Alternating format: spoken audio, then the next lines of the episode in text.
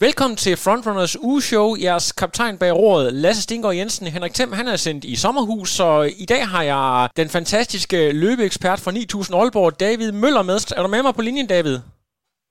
Ja, i hvert fald. Det er godt. Det, der, der har foregået noget DMU op på dit lokale staten op i, ved Skovdalen. Det kan vi lige vende tilbage til. Jeg skal også lige nå at byde velkommen til vores sønderjyske indslag, der dog er placeret i København.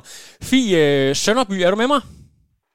Ja, det er Det er godt. Vi, vi, vi vender tilbage til noget sønderjysk dialektservice lige om et øjeblik, men øh, øh, David, øh, var du, øh, var du øh, ude at se øh, atletik for de unge her i weekenden, eller måske endda med som medarrangør? Ja, jeg var deroppe øh, om lørdagen, hvor jeg lige øh, kiggede en lille smule DMU. Jeg var tidtager øh, om lørdagen, men, øh, men var desværre ikke til stede om søndagen på grund af andre aftaler. Så, sådan er det, når man er en, en travl herre. Er der nogle ting, der sådan øh, springer i øjnene, som du selv så, eller som du har kigget bagved? Jeg kunne jo se, at øh, stjerneskuddet Jol var i øh, aktion og, og prøvede kræfter med 800 meter, hvor han øh, sådan lidt overraskende for ham selv i hvert fald øh, fik, øh, fik baghjul til sidst. Ja, lige præcis. Men det var så godt nok om søndagen. Men, øh, men altså, der er ikke sådan nogle resultater. Jeg er sådan lige umiddelbart, hvis jeg kigger på mellem langt særligt, der, øh, der sådan stikker ud. Vejret var ikke sådan særlig godt. Det var sådan lidt øh, en grå og halvtrist øh, øh, dag om lørdagen, og det var det faktisk også om søndagen. Øh, sådan lidt råk, sådan efterårsagtigt og lidt, lidt regn. Så det var ikke, øh, altså betingelsen for at løbe hurtigt var ikke sådan sindssygt til stede, og så var det også mesterskabsløb. Øh, og det satte så også spor blandt andet i, øh, i hvad hedder det, 5.000 meter og i 1.500 meter, altså hvor der sådan, fra næsten alle kanter blev, blevet løbet taktisk. Øh, lige med undtagelse af den aldersgruppe, som øh, Markus Kirk han er i, fordi han gav den i hvert fald gas på, øh, på begge de distancer. Simpelthen øh, forsøgte at være en ægte frontrunner og tage den fra spids. Han vandt også, øh, men det er svært at holde dampen op alene. Så øh, han tabte en lille smule momentum, men sikrer sejr der. Og, øh, og Joel, ja, han, han tabte jo så til Jonathan øh, Sigvardsen fra, øh, fra Viborg, som har en dødelig afslutning. Altså, hvis man har med ham med hjem de sidste 200 meter, så, så skal man altså virkelig spænde hjelmen. Ja, jo, øh, jo, tror, Jonathan, der, han egentlig, vi skal holde øje med de, de kommende år. Øh, sådan en, en, en ny, ny uslæbende diamant. Ja, det synes jeg lidt, øh, at han, øh, han måske er, fordi at han trods alt øh, altså virkelig tager et stort skridt fremad ved at løbe 3, 1, eller 3, 1, undskyld, øh, på 800 meter, som er en, en ekstremt stor personrekord for ham. Øh, som jeg lige husker det øh, 3-4 sekunder. Øh, så så det var et løb, hvor der blev givet gas, og hvor der blev løbet fra, fra start af. Øh, og igen, han har en, han har en giftig afslutning. Jeg tror, jeg tror, han kan blive, han kan blive en, en dygtig løber. Spændende, og det bygger bare videre på den historik, vi har med en masse nye unge løbere, der, der kommer frem med. Så spændende at følge dem. Men, øh, men lad os lige få øh, dagens øh, gæst bragt lidt i spil her. Fie, du, du er med os på en linje fra København, men jeg kunne notere mig, at du oprindeligt er født helt øh, nede omkring det øh, allersydligste Sønderjylland, nede ved Åben Rå. Øh, ja, altså jeg er faktisk født i Horsens, men født så som da jeg var 6 år. Okay, det hænger sammen. Så, ægte så du, kan du snakke sprog, eller kan du ikke snakke sprog? Nej, ikke rigtigt. Ikke rigtigt. Okay, så skal vi ikke uh, ud af den der uh, galej der. Men altså, det er, jo, det er jo simpelthen fordi, at vi har et spændende DM 10 km, hvor du er udpeget til en af øh, medaljefavoritterne, kan vi godt tillade os at sige. Så det er jo lidt spændende at høre, øh, hvor, hvor, hvornår er du egentlig sådan begyndt at blive... Er det sådan noget, mens man læser på uni i Aarhus, så begynder man at løbe en lille smule at komme ind i, i nogle af de der løbe-communities, eller, eller hvornår bliver løb spændende for dig? Ja, men det er faktisk lige præcis det, der skete. Altså, jeg flyttede til Aarhus i 2012, og, og der spillede jeg stadigvæk en del badminton, faktisk. Det har jeg spillet rigtig meget i min, min ungdom. Øhm, og, og badminton, så, undskyld, jeg afbryder dig her, men på hvilket plan? Ja. Er det sådan Camilla, den nye Camilla Martin, eller hvad snakker vi her? Øh, jamen, altså, jeg spillede det for elitefag, så, ja. så ja, det, det var så en træning et par gange om dagen. Så, ja. Men så, øh, ja, så, så blev det trampet lidt ned, inden jeg startede med at læse der på universitetet i Aarhus, og så, så øh, kom det runner her jo. Det tror jeg, det startede i 2014, hvor jeg havde min første tur med dem, og så var det egentlig fra 2015 af, at det så tog fart, hvor det øh, begyndte at løbe med dem sådan, hver uge. Ja. Så, så de har helt klart haft en afgørende rolle sådan, i forhold til, hvor meget jeg kom til at løbe senere. Altså hvis man sådan sidder og kigger lidt øh, på nogle af de tal, øh, altså tider og PR og så videre, du lavede over de seneste 3, 4, 5 år, så, så går du jo netop fra at være, være sådan en god motionist middle of the packer til at, og lige netop nu øh, ligge med helt fremme, og jeg tror endda, du har din PR på 10 km, altså hurtigt som 35-51. Øh, er det bare kontinuitet og over i sporten at gøre det, eller hvad tror du selv kan være forklaringen på, at det går så godt lige nu? Øh, ja, det tror jeg. Altså faktisk så er min PR 35-21. Men, uha, uha, uha. men, øh, men ja, det, det tror jeg, helt, jeg tror helt sikkert, det er kontinuiteten, at der er gjort noget, nu har jeg løbet i, i en fem års tid. Øh, og så er det øh, her den, den seneste tid, der er det helt sikkert, at jeg har løbet med i Adidas Runners, hvor, at, hvor jeg har været så heldig, at, at hvert uge får et program øh, af Det er vi en lille gruppe, der gør. Og det har helt sikkert øh, ryddet mig. Ja, og Mads Tersbøl er jo også øh, ekspert her på Frontrunner, så vi er jo måske en lille smule farvet, men lad os lige give ham lidt love. Hvad, hvad er det, Mads han er så dygtig til? Jeg ved, han, er jo, han læser jo selv øh, idræt og er meget, meget nørdet, men altså, hvad, hvad er det for nogle ting, du føler, sådan, han lægger vægt på, der har været med til at rykke dig, hvis du kan være lidt konkret i forhold til, til hvad det er, Mads han bringer med til, til the table, som vi siger? Jamen, jeg synes, han, øh, han er rigtig god til at finde ud af, hvor at den gruppe, jeg løber i, det hedder Speedsport, der er i Adidas Runners faktisk, at, at han er rigtig god til at finde ud af, hvor at, at vi er øh, på, på det niveau, vi nu løber, og lægger nogle programmer ud fra det, hvor vi både øh, får, får noget speed i benene, men, men hen over vinteren også får noget mængdetræning. Og så er han god til sådan at køre det i nogle, øh, i nogle perioder, sådan at vi kører noget hård træning, og så har vi en roligere uge, og så, ja, det, det, det fungerer virkelig godt. Ja, interessant. Fie, du er 27, Ja. På nuværende tidspunkt, og, øh, og, og, og det, det sådan er også lidt tematikken for i dag, det der med, med atleter, der sådan bryder igennem, når de er i, i 20'erne, måske endda helt op imod 30'erne, og øh, vi, altså de seneste episoder har vi været rigtig benåret, fordi at vi har så mange øh, shooting stars, helt, helt unge talenter, men, øh, men, men jeg synes, det er rigtig fint, at vi også får fokuseret på øh, lidt andre aldersgrupper, og derfor så vil jeg gerne prøve at, at bringe dig i spil lidt her, David. Det der med, når man øh, får et lidt sent gennembrud, kan det egentlig være en fordel på en eller anden måde, øh, som du ser det? Altså, hvad, hvad, hvad, hvad betyder det for en, for en løber, der, der bryder igennem i, i midt til slut 20'erne? Jamen, øh, rigtig godt spørgsmål. Altså, det jeg tænker, der er en fordel her, det er, at øh, ja, løbere som blandt andet øh, Fie øh, kommer igennem lidt sent, det er jo egentlig, at øh, der er en motivationsfaktor i det, som jeg umiddelbart vil, øh, vil se det, at øh, det er simpelthen lettere at holde motivationen i, i længere tid, men så kan man selvfølgelig diskutere relativt, om, om det er længere tid kontra en, der er startet tidligere, men man, man er også øh, aktiv op i de senere år, og hvis vi kigger i, på det fra et sundhedsmæssigt perspektiv, så, øh, så vil jeg umiddelbart alt andet lige sige, at det, det er vigtigt, at vi er aktive livslangt, øh, og ikke kun i, øh, i de unge år. Øh, så der er noget omkring motivation, Øh, der er også noget, synes jeg selv, øh, omkring noget balance, at man måske kan være lidt bedre til at balancere øh, de her to verdener, der hedder løb på den ene side og, og civilt liv på den anden side, hvor, hvor unge i lidt højere grad måske kan have en tendens til, at løbet bliver hele ens verden, så, så kan man have en lidt bedre balance og være lidt mere afslappet som, øh, som voksenløber. Ja. Og så er der den fordel, at man på udholdenhedsidrætter, eller øh, løb på de distancer, som FI gør sig, faktisk også ser, at danske løbere topper relativt sent. Altså Dennis Jensen sætter jo dansk rekord som 35-36-årig Øh, og det, det ser man ikke i samme grad, hvis vi sammenligner med sprint for eksempel.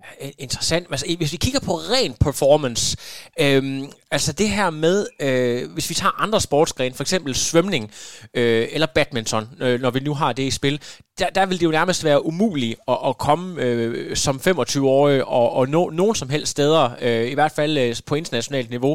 Øh, altså, hvor langt kan man egentlig nå som løber, hvis man, hvis man øh, for eksempel øh, begynder der midt i 20'erne og rykke øh, slut, slut 20'erne for eksempel? Jamen, jeg tror, man kan nå, øh, altså, jeg tror, man kan nå ret langt. Altså, et godt eksempel er jo øh, Lars Budolfsen, øh, som jo nåede at løbe 2-15 stykker på øh, 15-16 stykker på, på maraton og starter sent.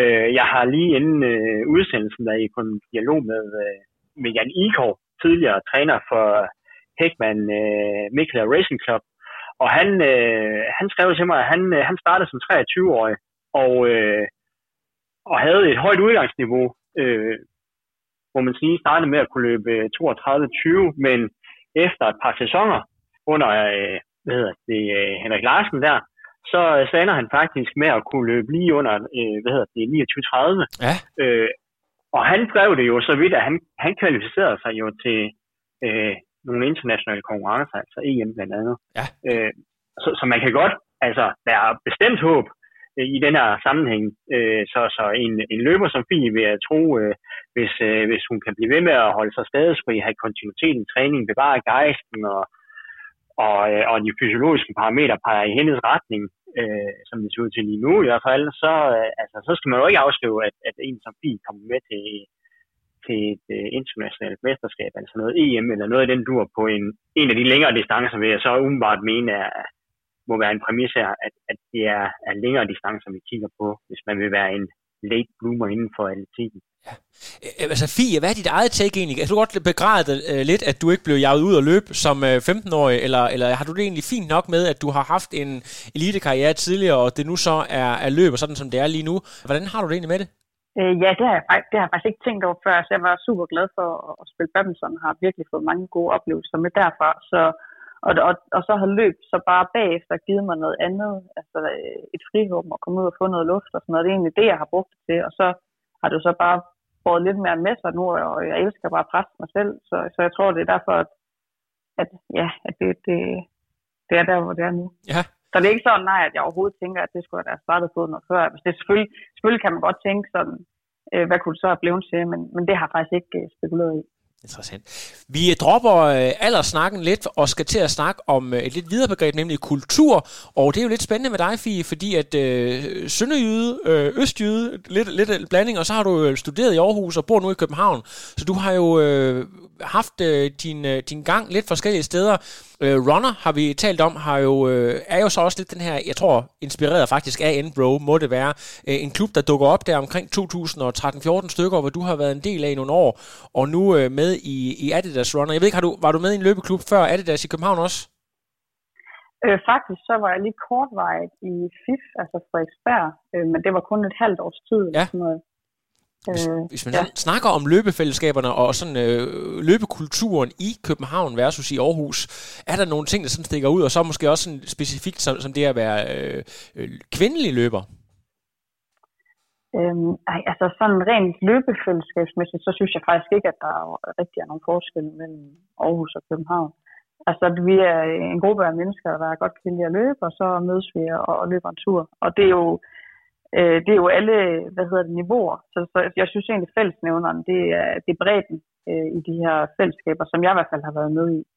Øh, hvis man så lige præcis skal kigge på forskellen, at, at jeg har været i Runner i Aarhus, og nu i, i Adidas Runners her i København, så, så er forskellen så, at, at der ligger lidt penge bag, eller der ligger nogle penge bag Adidas Runners, og, og det gør der ikke bag Runner. Øh, i hvert- fald ikke dengang jeg var der. Øh, Kan man godt... Øh, det er sådan bare et spørgsmål, der kommer fra min. Det er egentlig ikke noget, jeg har sådan planlagt på forhånd. Det er jo ren nysgerrighed. Øh, kan man godt blive så dygtig på et tidspunkt, altså nå et niveau, hvor, øh, hvad kan man sige, at man er nødt til at gå på kompromis med de her sociale ting og så videre, som man måske øh, kom i klubben for i, i første omgang, hvis du kunne følge mig der? Øh, ja, men altså, jeg synes egentlig, jeg synes, altså i og med, at jeg øh, får øh, de- her programmer, som er masterspil, og, og det er vi en lille gruppe, der gør, så synes jeg egentlig, at jeg har det, jeg har behov for, og, og jeg går øh, meget, også meget op i det sociale, det får jeg i, i Adidas Runners, det ved det kommer sikkert også få andre steder. Øhm, men, men jeg føler, at jeg får den øh, sparring med andre, og, og øh, de programmer, der er med, det giver mig egentlig det, jeg har behov for lige Ja. nu. Interessant. Øhm, så vil jeg lige prøve at bringe dig lidt i spil her, David. Du, øh, du kan måske give os sådan lidt helikopterperspektiv, fordi du øh, er sådan rejsende i løb, kan man sige, og, og ser ting også der- derfra, hvor du er i Aalborg, er tit i København, og, og har boet også i Aarhus, studeret i en periode. Hvordan øh, løbekulturen øh, er nu 2020? Kan du, kan du give os et hurtigt view af, hvordan du ser tingene? Åh, oh, jamen øh, det kan jeg jo godt prøve. Jeg sidder jo også øh, og har et job i, i DGI i Nordjylland, øh, hvor jeg arbejder med løb. Så, øh, så på den måde, øh, ja, så skulle jeg jo helst forsøge at kunne, kunne forholde mig til, til både øh, de her uorganiserede løbefællesskaber, hvis vi kan kalde dem det, og de lidt mere formaliserede løbefællesskaber i form af, af løbeklubben. Men, men øh, altså det, der umiddelbart er at sige i forhold til den sociale del, som Fie også øh, nævner, det er at den sociale del, hvor du spørger til, om det, er, om det er vigtigt, om man når til et niveau, hvor det ikke er vigtigt. Det, det ser det ud til, hvis man kigger ind i, i den undersøgelse, som Atletikken har lavet på sine egne medlemsforeninger, at, at den, det sociale element er jo faktisk en meget, meget væsentlig del, og også øh, længere op i årene, end jeg selv gik og troede. Øh, det ser jo faktisk ud til at holde ved helt op i ungseniorerne, at en af de primære grunde til, at man deltager i et træningsfællesskab, det er, at der er noget socialt at komme efter som den ene del, og den anden del, det er, at man øh, føler, at man udvikler sig. Der giver det jo rigtig god mening, at man måske på et eller andet tidspunkt går fra at være en almindelig løber i, i Adidas Runners, og så til at blive en del af Speed netop for at få stimuleret den parameter, der hedder at udvikle sig mere. Øh, når det så er sagt, så, så på et eller andet tidspunkt, så kan det være, at man får nogle andre sociale ting ved siden af, der gør, at man ikke har samme behov. Øh, den anden ting er, at løb som en isoleret aktivitet er mere udbredt i større byer. Øh, så, så der er helt naturligt en forskel i øh, hvad hedder det, øh, deltagelsen i løb i Aalborg, Aarhus og København, øh, hvor København selvfølgelig er allerstørst, og så fremdeles med Aarhus, og så er Aalborg mindst. Så der er færre, der vil løbe i Aalborg, øh, kontra København og Aarhus, også hvis vi sætter tingene sådan renser det og, og kigger forholdsmæssigt på det, så, øh, så vil det være flere, for det er en storby idræt. Øh, og samtidig med, så ser det også ud til, at der er flere med en lidt længerevarende uddannelse løber. Altså det er sådan lidt uddannelsesstopperi og, og løb. Øh, så, øh, så jo, og, og de, de der uorganiserede fællesskaber har også bedre fat i henholdsvis Aarhus og København, end, øh, end de har i, øh, i Aalborg, som det er lige nu i hvert fald. Øh, og så tilbyder de her uorganiserede løbefællesskaber kontra den almindelige løbeklub en helt anden aldersgruppe. Det er i hvert fald det, jeg selv synes er den væsentligste ting, at, at nu vil jeg ikke lige sige FIF, for der synes jeg faktisk, der er relativt mange unge, men hvis man kigger på, på motionsdelen, som, som jeg sidder og arbejder med, så er en grund til, at FIF vil vælge Adidas Runners og Runner over for for eksempel Aarhus 1900 eller øh, en anden almindelig løbeklub, hvad er sandsynligheden for, at man kigger på nogen, der altså man kan spejle sig og som minder om sig selv, bliver lige ja. pludselig en del større, fordi det image og den sammensætning, de her uorganiserede løbefællesskaber har, AA Run, Runner, Enbro, Heckman, Mikner, det er et yngre segment. Kigger man ind i løbeklubben af 2020, så det overordnede billede er, at det, det løber på plus 45, og, og det kan jeg jo forestille mig, at Fie endnu øh, ikke rigtig kan se sig selv løbe med dem, som majoriteten, hvor hun vil være en.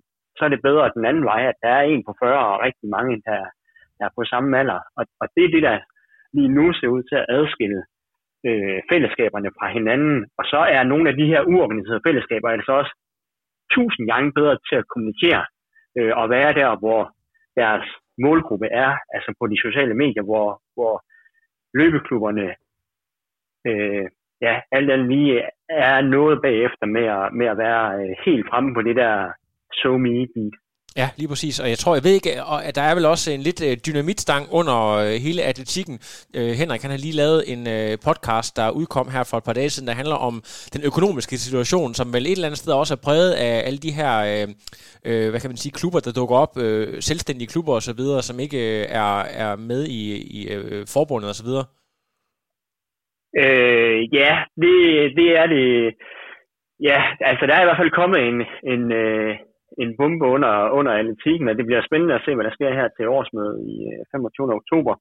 Men, øh, men øh, et, et ekstremt flot VM Cross, øh, rent sportsligt, blev øh, forfulgt af et øh, katastrofalt VM Cross rent økonomisk, og, og det, øh, er i hvert fald en af de årsager, der er til, at, at forbundet nu kommer til at slæbe rundt på et ekstremt stort underskud, der jo gør, at de ikke kan servicere øh, klubberne på samme vis, som de har gjort tidligere, øh, og være med til at, at udvikle. Nu kommer tingene formentlig, tror jeg, til at handle meget mere om overlevelse, om drift, og der bliver sparet alle de steder, der, der spares kan.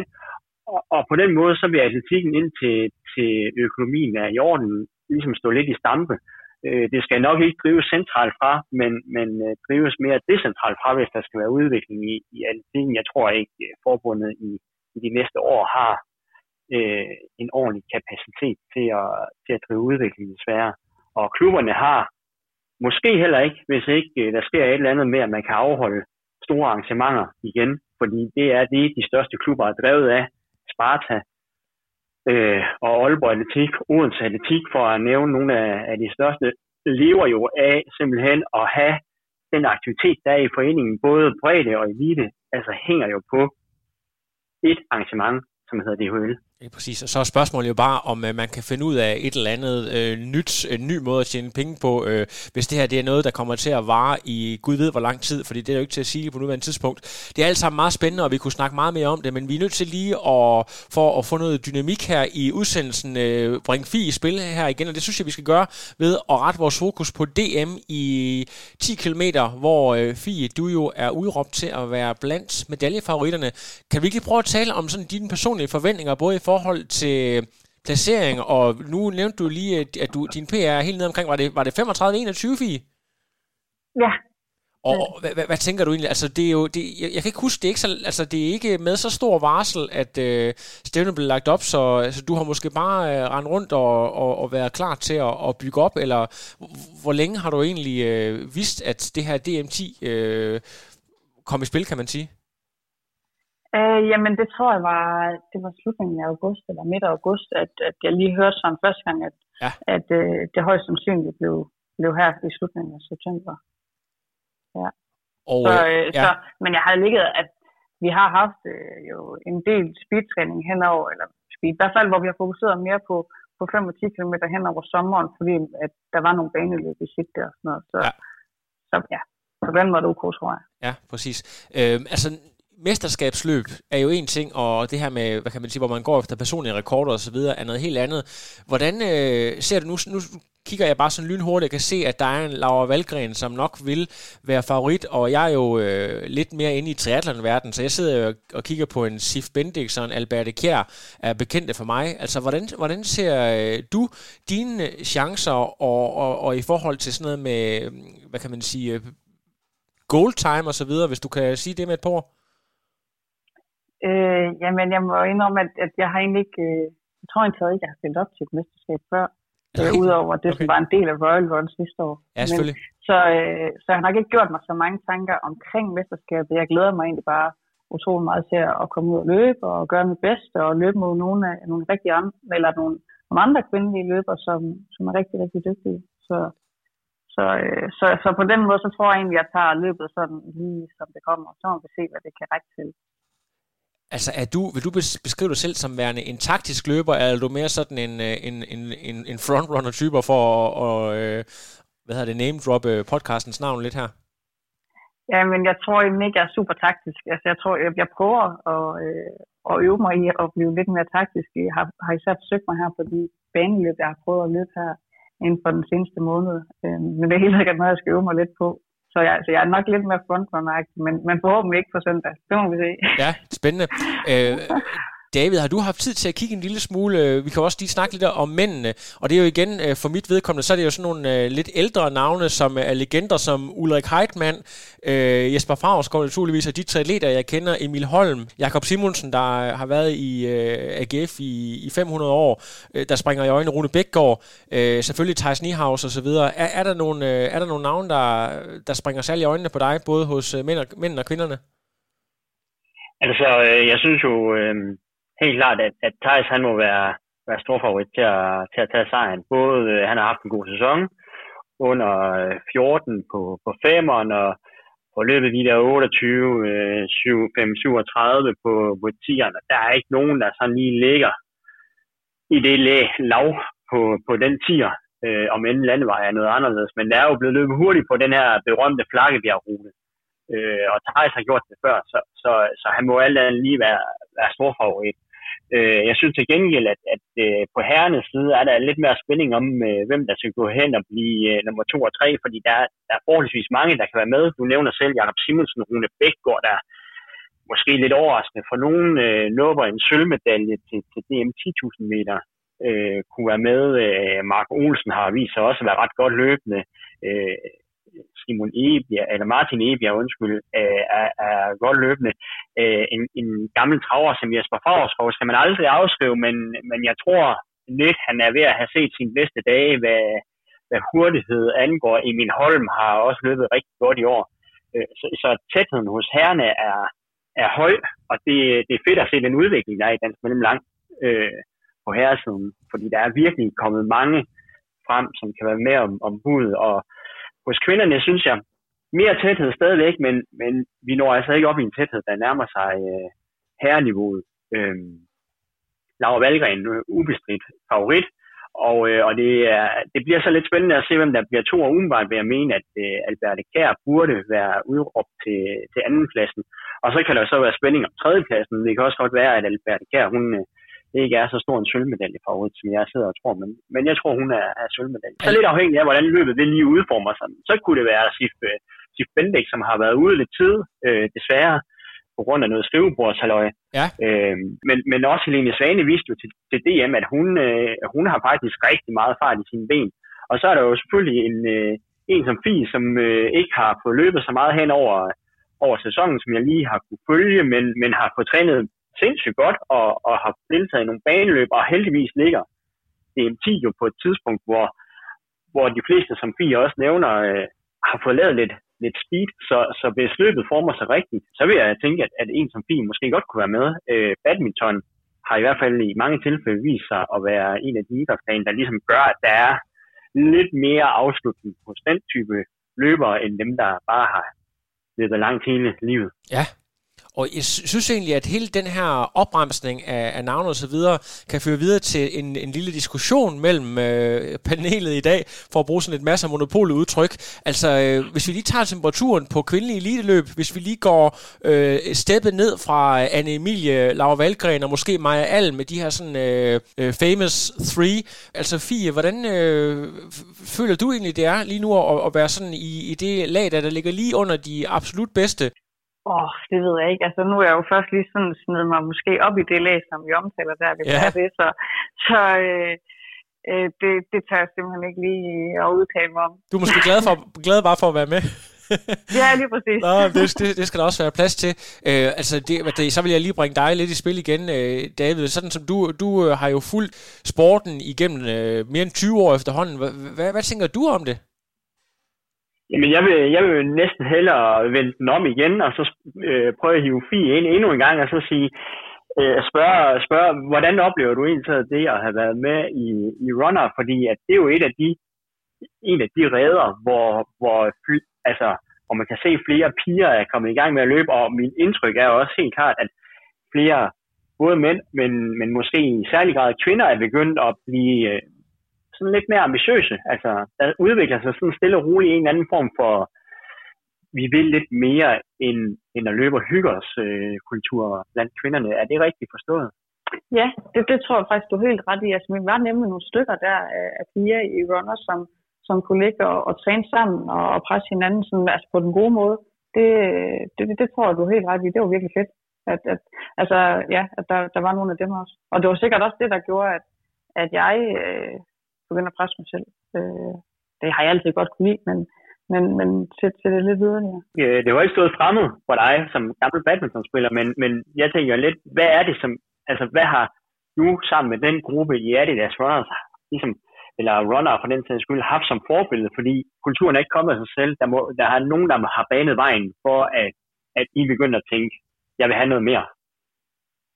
Øh, ja, det har der jo nok været, og jeg er ikke engang sikker på, at det sådan, jo så altså, selvfølgelig sådan som en Emilie Møller, som bare løber kanon stærkt, og nogle af de andre der også, at de har selvfølgelig gjort dem. Jeg tror egentlig mere, det har været inde, inde i løbefællesskaberne, hvor, hvor i runner, hvor det startede for mit vedkommende, var nogle af mændene, der, der faktisk banede vejen, øh, viste mig, hvordan man egentlig skulle træne. Altså jeg startede jo med at, at bare trænse 10 km, når jeg var ude og løbe, og fandt ud af, at det er ligesom ikke den måde, man gør det på. Øh, men ligesom viste, at, at, øh, man, man løber nogle intervaller og, og har lidt af hver tur for at få noget mængde om noget. Så, så det handler, ja, som jeg hørte af Fie her, om, om vidensdeling simpelthen, at der er sådan, øh, hvad kan ja. man sige, lidt mere hands-on vidensdeling. Det er sådan, man træner, det er sådan, man gør, og man er ikke bange ja. for at gøre det på, på, på tværs af alder, køn, alle de her ting.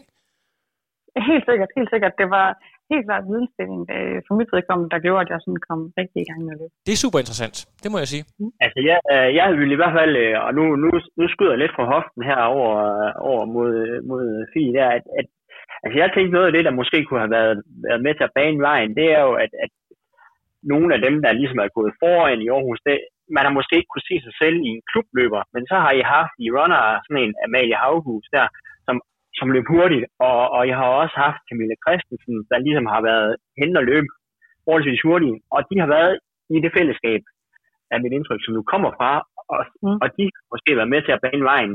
Øh, plus, at der så kommer nogle mænd og siger, hey, nu skal vi måske lige tænke på at strukturere din træning lidt anderledes, hvis du gerne vil løbe lige så hurtigt. Jeg ved ikke om, men, men der har været nogle lokale, hvor man har lettere kunne identificere sig med dem, mere end for eksempel Anna Emilie Blåstrød. Ja, det har det faktisk. Det har mere været lokalt. Altså mit vedkommende, så startede jeg faktisk i runner, inden de andre piger, der var der. Så det var faktisk mændene, der egentlig blev det for mit vedkommende. Okay. Og, så, og så senere kom, kom pigerne til, og det var jo fedt, at vi så var en pigegruppe der, der kunne træne sammen. Generelt så synes jeg, at både på herrene og kvindernes vedkommende, altså der er, der er flere, der har fået en agerighed efter at prøve at udvikle eget potentiale, og man kan sætte det ind i sådan en stor samtids øh, kontekst, hvor det handler om, at man ikke vil være en del af den grå masse, men at det der ekstraordinære, det er ligesom at det, der gør, at man kan få en plads. Det, det vil jeg lade være usagt, men, men der er i hvert fald flere, der gerne vil jagte det der lidt mere ypperlige øh, niveau, øh, og som også, øh, som også øh, jeg kan man sige, offrer mere for det. Altså sådan sindssygt hårdt og med ekstremt elitære briller. Øh, så vil jeg sige, der er flere motionsløbere nu, der, der der lever og prioriterer som eliteløbere end tidligere. Niveauet er generelt rykket både for herrer og kvinders vedkommende. Det er super glædeligt, øh, og for herrenes vedkommende også, ja nok også, også kvinderne, men, men herrene synes jeg er meget udtalt. Altså, der, der er sket en ændring fra, at man tidligere måske på en eller anden måde tænkte, jeg skal blive så god som muligt med så lav en indsats som muligt. Det er heller ikke forkert at sige det. Det kan man diskutere mere om. Men, men der er flere, der har nået til en erkendelse af, at det kræver bare benhårdt arbejde, hvis man vil være god. Altså, hvis man følger med på Strava, kan man jo følge, øh, følge de gode Heckman øh, Racing Club-løbere. Øh, der, der er bare flere, der ligger og, og æder de der tunge kilometer, end, end tidligere, hvor der var en, en, en idé om, at jamen, hold nu mængden nede, hold intensiteten op, fokusere på nogle andre ting, men, men de lange distancer kræver nok i højere grad den der knofedt mentalitet. Og der, der vil jeg personligt godt give et lille skud ud til Morten Munkholm og sige, han var en af dem, der nu skal gøre det meget sort, vi ligesom gjorde op med, med, med den tilgang, der var med Frank Pauli om, at det handler om teknik og styrke, men vi, nej, vi skal, vi skal bare ud og knokle de her 350 omgange på en kunststofbane, fordi det, det kræver det. Altså, der er flere der ligger mere i det. David, må jeg lige, er det helt forkert, øh, der i start øh, nullerne, start midt nullerne, hvor du selv var en del af AGF og Eliteaktiv, at øh, der blev trænet hårdt selvfølgelig, men, men de unge, de havde, altså de unge mænd i hvert fald, de, de var også kendt for at hænge ned på de oceanske beværtninger i både fredag og lørdag, og nogle gange også som søndagen. Altså, og det ser man ikke rigtig mere. Men du også, det har noget med den her kulturændring at gøre? Jeg tror bestemt, øh, at, at flere, øh, jeg ved ikke om de lever direkte æstetisk, men, men der er flere, der offrer mere. Jeg, jeg ved ikke, hvordan, øh, hvordan det er hos FI. Altså, der, der er mange gange en sammenhæng mellem ens præstationsniveau og hvor, hvor meget man kan holde til at være væk fra, fra bylivet og, og det sociale på den måde, men jeg synes, altså, jeg synes der er flere, som, som, øh, som lever lidt mere ja, mådehold, men, men, men det gælder om at finde balance i det. Det vil, øh, det vil da umiddelbart være min opfordring. Man skal ikke, man skal ikke trække alt tilbage, og med, med henvisning til, til en af mine gamle aktive, der har været herinde, øh, Christian Ulbjerg, så ved jeg i hvert fald via dialog med ham, at hvis han kunne gøre det om, så ville han på en del områder faktisk prøve på at slappe lidt mere af, i stedet for at, at leve sig tilbageholden for i jagten på, på resultaterne, fordi det handler alt sammen, det gode resultat handler jo om balance i alle livets faser. Øh, altså Fie, hvordan øh, føler du egentlig selv i forhold til det der med at balancere dit sociale liv og træning? Altså, hvordan, øh, hvad, hvad, hvad fylder egentlig mest, hvis, hvis vi kan sige det så konkret?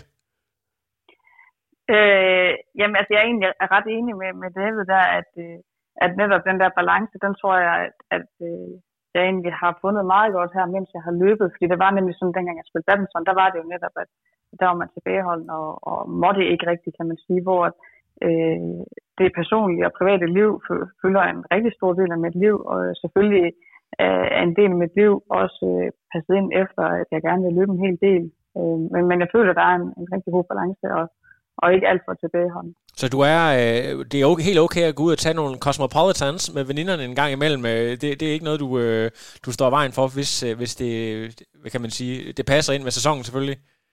Ja, præcis. Altså, det kan jeg sagtens. Altså, man, men jeg tror også, at som David sagde, at, at øh, man kan sige, lysten til at gå, gå tit i byen og så videre, den, den er der nok heller ikke, når man føler, at det går godt, og man har det rigtig sjovt med at løbe. Men, men det er slet ikke noget, der er, som, jeg, som jeg aldrig gør. Men øh, ja, der er en god balance. Ja. Der kommer lidt bonusspørgsmål fra min side til, til dig, David, som, som mange år træner og øh, involveret i løbesporten. Det her med at træne kvinder kontra det at træne mænd. Og grund til, at jeg spørger, det er jo fordi, at det er en kendt ting i triathlonmiljøet, som øh, jeg er lidt mere bekendt med, at mange af de her øh, kvinder, altså de kommer ikke så godt overens med hinanden, øh, som mændene gør øh, i elitemiljøerne. Hvordan, hvordan oplever du øh, det at træne hurtige kvinder kontra mænd, David? Åh, oh, det er også også, nu må Fie, hun har jo mere hands-on på det, end, end jeg har. Øh, nogen er også en del af. Men, men, men det handler meget, altså jeg synes, at man som træner skal være, øh, altså min oplevelse er i, i et stykke hen ad vejen, man skal være mere på i forhold til kvinder. Man skal være mere, øh, man skal være god til at snakke, man skal være god til at, at anerkende, øh, både når det går godt og når det går skidt. Øh, altså det kræver lidt mere energi, fordi da kvinder, når de bliver sure på hinanden, de, de opfører sig anderledes end mænd. Øh, det handler mere om at overtage sammen som kvinder, og man kan bruge lidt mere energi på at, på at tale nogle andre ned, øh, hvor, hvor jeg synes, min, det bliver igen lidt sort-hvidt, men, men mænd, de afgør det, kan man sige, på, på en træning, så stikker den lige pludselig af, fordi at der skulle løbes 5 gange 1000 i et, men så er der egentlig en uenighed, og så vil en eller anden bare baske den anden, og så har vi ligesom fået udredt det, okay, du kunne ikke følge med, så er det dig, der er idioten. Okay, så accepterer vi, at det ligesom er, er forholdet lige nu, indtil en anden træning, hvor den anden så måske baster øh, den første. Øh, men, men der er måden, som kvinder bearbejder hinanden på, hvis de ikke er enige, er langt værre og tager meget længere tid. Øh, og det skal man altså bruge noget tid på at, at sørge for, at der er en god øh, balance i en kvindegruppe.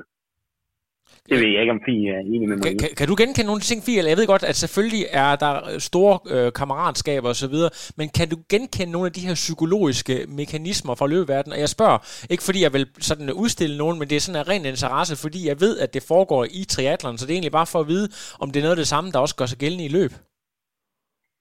Altså, jeg må indrømme, at jeg faktisk øh, personligt ikke har oplevet det i Runner eller Adidas, hvor jeg har løbet.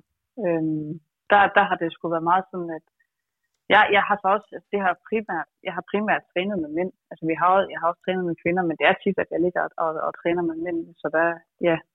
Så, så nej, jeg vil faktisk ikke sige, at jeg kender til det. Okay. Og det er jo øh, det er måske egentlig meget godt. Det kan også være, at det bare er en, øh, hvad kan man sige, en tendens, som man ikke, ikke på den måde kan, kan lave en formel øh, over. Det er ikke til at sige. Vi har jo af flere omgange nævnt Adidas Runners, så lad os lige prøve at dykke en lille smule øh, ned i, hvad det, hvad det egentlig er. Hvis du kan prøve at forklare, øh, Fie. Øh, vi har lige haft fire års fødselsdag. Øh, det er et globalt løbeselskab, og, og her i Danmark findes det så, øh, hvad hedder det, i København. Øh, hvor at, øh, ja, der simpelthen uge efter uge øh, bliver taget umådeligt godt imod både mod nye løbere, som, som vi gerne vil i gang med det her sådan, løberi. Øh, så, der, så der er plads til helt nye, og så er der så samtidig plads til, til typer som mig, som, som måske gerne vil det lidt mere seriøst. Øh, ja.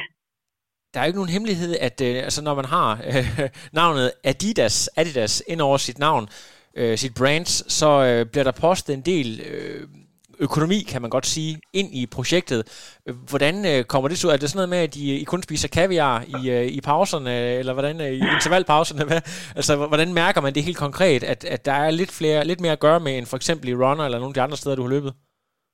Ja, altså jeg synes sådan, øh, helt konkret, så har vi et tilholdssted, altså en hop. Øh, det havde vi ikke i runner, der mødtes vi i en park hver gang. Ja. Øh, så, så her, øh, der, der har man ligesom et sted, hvor man kan lægge sin ting. Det har vi så ikke lige pt. i, her i coronatid, øh, men ellers normalt har vi det. Øh, så synes jeg også, øh, en af de ting, der adskiller sig er, at øh, der, der i hoppen, der står der så øh, en masse sko, og det er jo de nye modeller, som Adidas så udvikler hele tiden, som, som man kan få lov til at låne, og så være tilbage igen. Øh, derudover så bliver der jo holdt øh, nogle fede events, og og op til store løb, for eksempel København halv og helt, der, der får alle en, en trøje med Adidas Runners logo på. Det er i hvert fald på, mens jeg har været her. Så på den måde, så kan man jo mærke, at, at der er nogle penge i det. I forhold til, til ren performance, så er der jo ikke nogen tvivl om, at Nike de har haft en overhånd i en periode, og så øh, hvis man øh, kigger øh, benhårdt på sekunder og så videre, så var det jo nok den sko, man ville vælge den hurtigste øh, fra Nike.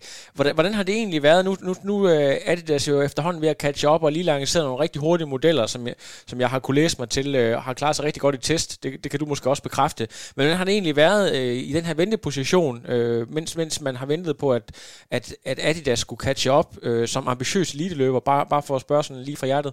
Øh, ja, men altså det har da været sådan, man har tænkt det sidste år, sådan, okay, er det virkelig sådan, at de der Nike-sko der, dem kan man bare lige løbe lidt hurtigere i.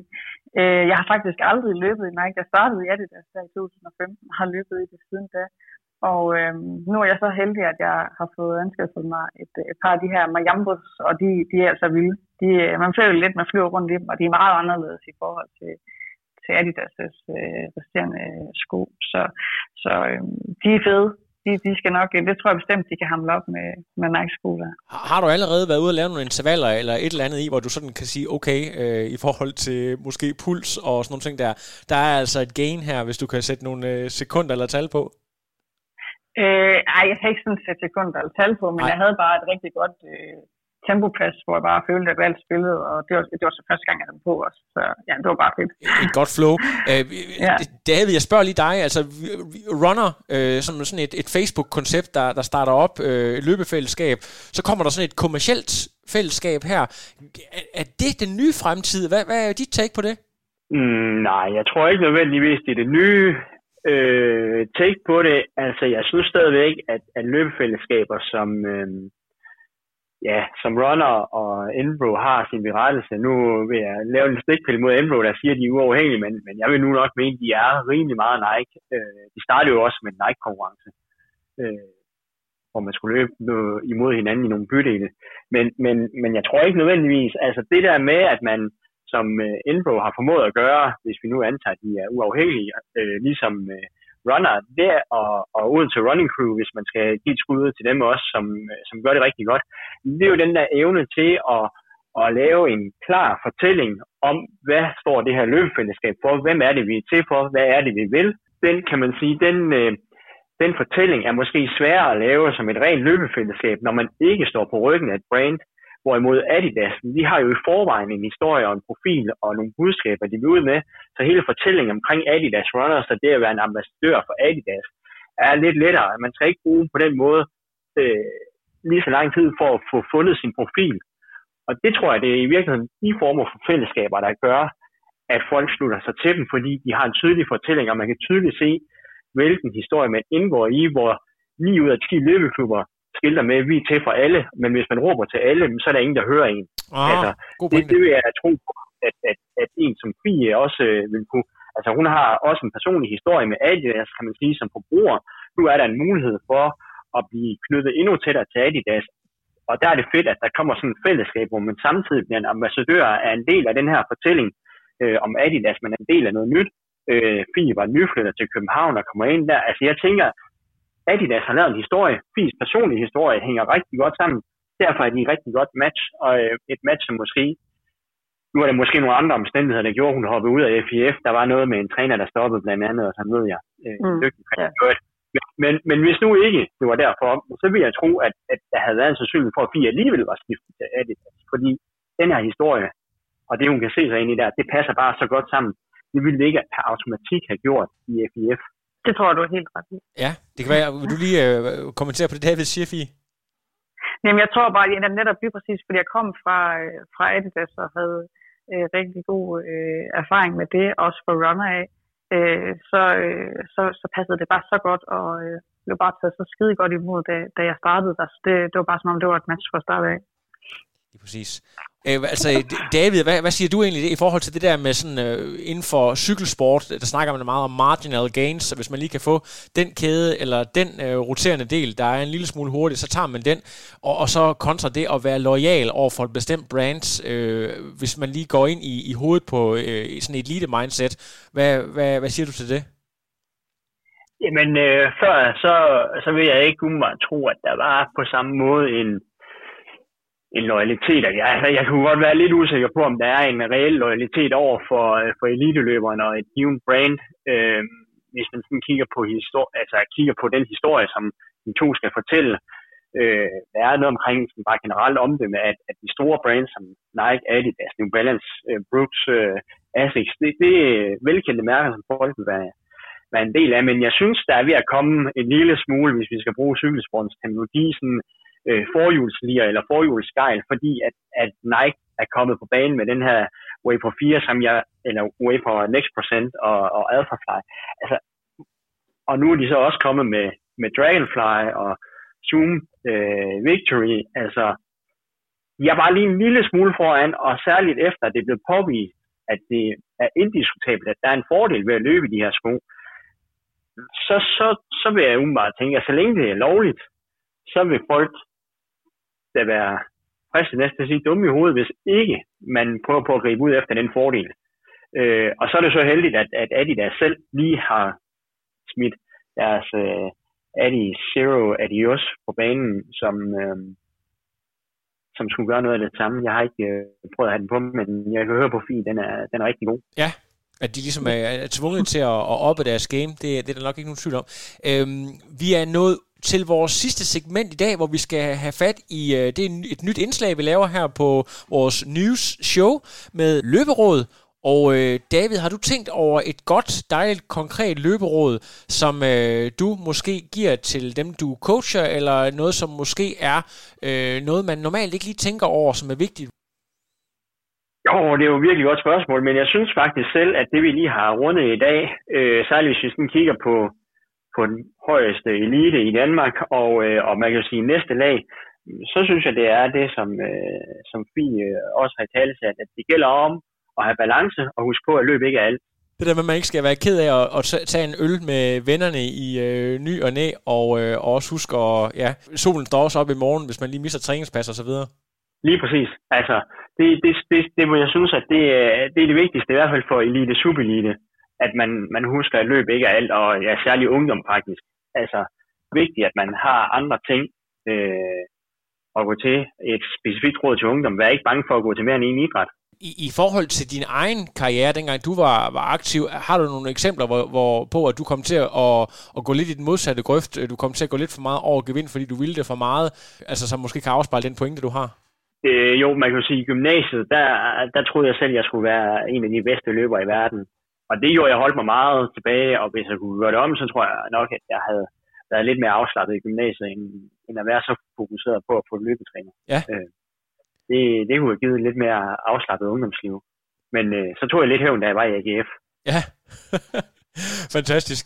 Øh, Fie, lad os lige prøve at, at til dig med os her. Sådan, hvis du kan vælge et råd, du har fået, så længe du har været løber, hvad, hvad vil du så sige står ud som, som øh, sådan et, et mantra, du måske bruger? Et godt råd?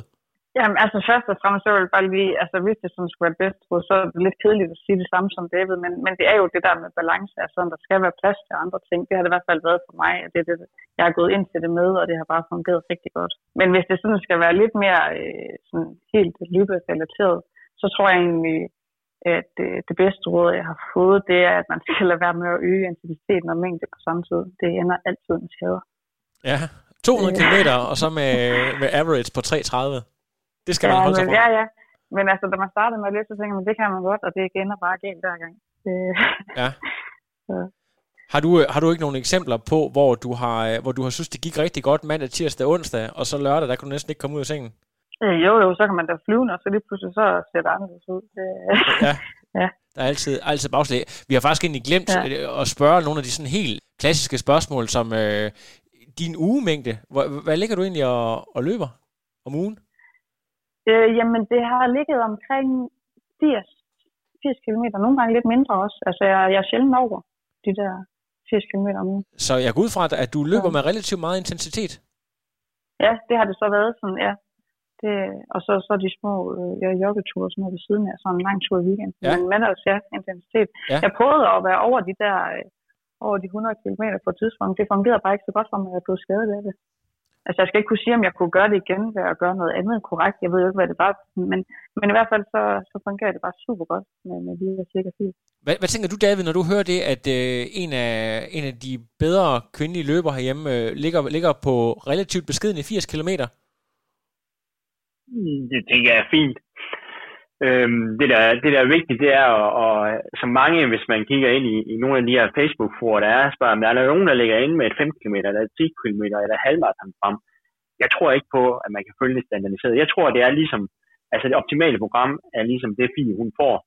En, øh, en træner, som er i spam, engageret, som, øh, som mass, og som øh, jeg ved kommer ud i tid og utid og, og hjælper løberne også uden for træningerne, hvis de skal have pace eller noget, og som er lydhør og som retter programmet til og prøver på at finde ud af, hvad er det, du kan holde til? Hvordan kan vi skrue på de her knapper? Man kan sige, på et tidspunkt, hvis ikke Fie, hun kan øge sin træning, så, så, så rammer hun hovedet mod loftet på, et eller andet, på en eller anden måde, hvor, hvor hun ikke kan udvikle sig.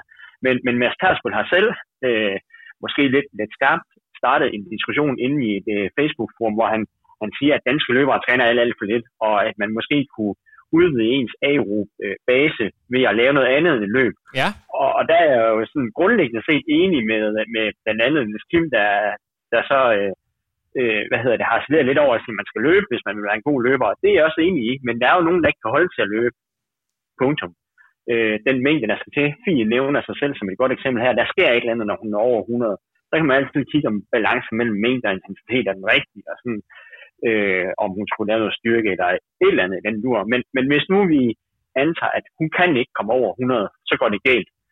Jamen, så vil jeg da helt klart sige, hoppe i massens øh, boldgader, og så sige, kunne Fie så holde til at cykle, eller svømme, eller på crosstrainer, eller rulleskøjter, eller et eller andet, der kunne være med til at øge øh, belastningen på kredsløbet, sådan så hun stadigvæk kan ligge og løbe omkring de 80, men arbejde på den der udvidelse af, af den aerobe kapacitet øh, på, på en anden måde. Og så vil hun så stadigvæk, tror jeg, kunne få fremgang. Har, har du overvejet ja. at skaffe dig en, en, en racercykel, Fie? Jeg har faktisk en. Du har faktisk en, og bruger du den også? Den. Øh, ja, jeg er til ikke så tit, men helst når der er godt vejr og ikke så meget vind. Ja. det er klart, at hvis, hvis jeg på et tidspunkt, øh, min udvikling går i stå, og jeg skal udvikle mig yderligere, øh, så, skal man, så skal over de der øh, 80 km, så, øh, så erfarede jeg tidligere, at, at der blev så skadet, der jeg prøvede at løbe over det, men, men nogle andre ting, øh, f.eks. styrketræning, som David øh, nævner, at, at det kunne sagtens gøre, at, at det så gør det, at jeg godt kunne ligge deroppe. Så ja, det, det, det er meget interessant. Altså Mads, øh, som vi også nævner, er øh, kvæg hans øh, længere skadesperioder en mester i alternativ træning, så det er jo lidt interessant, om man også kan rykke på nogle ting der, øh, i forhold til, øh, hvis, hvis det ligesom skaber en, en trend. Jeg har også godt læst hans øh, diskussionspost, hvor der har været rigtig meget respons på, hvad kan man sige, ren løb kontra alternativ træning. Ja, lige præcis. Det, altså, det er en interessant diskussion, og Mads han er jo på den måde, hvis, øh, hvis vi betegner sig selv som frontrunner, så er der ikke med hjernen, og, øh, og han vil ting 110 procent, altså øh, vanvittigt dedikeret. Altså, jeg, jeg, er helt imponeret over, at han, øh, hvor meget han træner, også efter at han har været opereret alt muligt. Altså, han, han, han er all in, det er han. Det passer lige ind i, øh, i Adidas' gamle slogan. Ja, det må man sige, og jeg tror, at jeg som triatlet var benådet over, at han lå og, og kørte 700 km om ugen øh, på cyklen, mens han var skadet. Øh, det, det, det synes jeg som triatlet selv øh, lød af, af ret meget, så han, øh, han efterlader ingenting til tilfældigheden, det er der ingen tvivl om. Nej, det gør han ikke. Han, øh, altså, det bliver spændende, når han, øh, når han vender tilbage forhåbentlig. Altså, jeg vil næsten sige, hvis øh, det ser ikke ud til, at han kan holde til at løbe lige så meget, som han vil. Men hvis han, øh, når han øh, kommer tilbage, hvad jeg tror, han gør, altså hvis han, øh, hvis han kommer ind stort set direkte ind i toppen af dansk løb, så vil jeg sige, at så har han øh, i hvert fald vist, at man ikke behøver at løbe så meget for at være en god løber. Nej, interessant. Lad os lige prøve her øh, til allersidst. Er der, er der ud over DM 10 km, sådan den næste uge, indtil næste gang vi optager Frontrunner, er der nogle ting, som øh, enten nogle internationale løb eller noget andet, som folk måske lige skal være opmærksom på? Er der nogle ting, I, I selv personligt glæder jer til at følge med i? Jeg kan ikke lige, jeg skal være, mit udsyn er relativt smalt. Øh, der er DMU i den her weekend i Hvidovre for den yngste aldersgruppe, hvis man øh, vil ud og se det. Jeg, jeg er koncentreret på bare Du er simpelthen, øh, du er, du er, du er fuld fokus.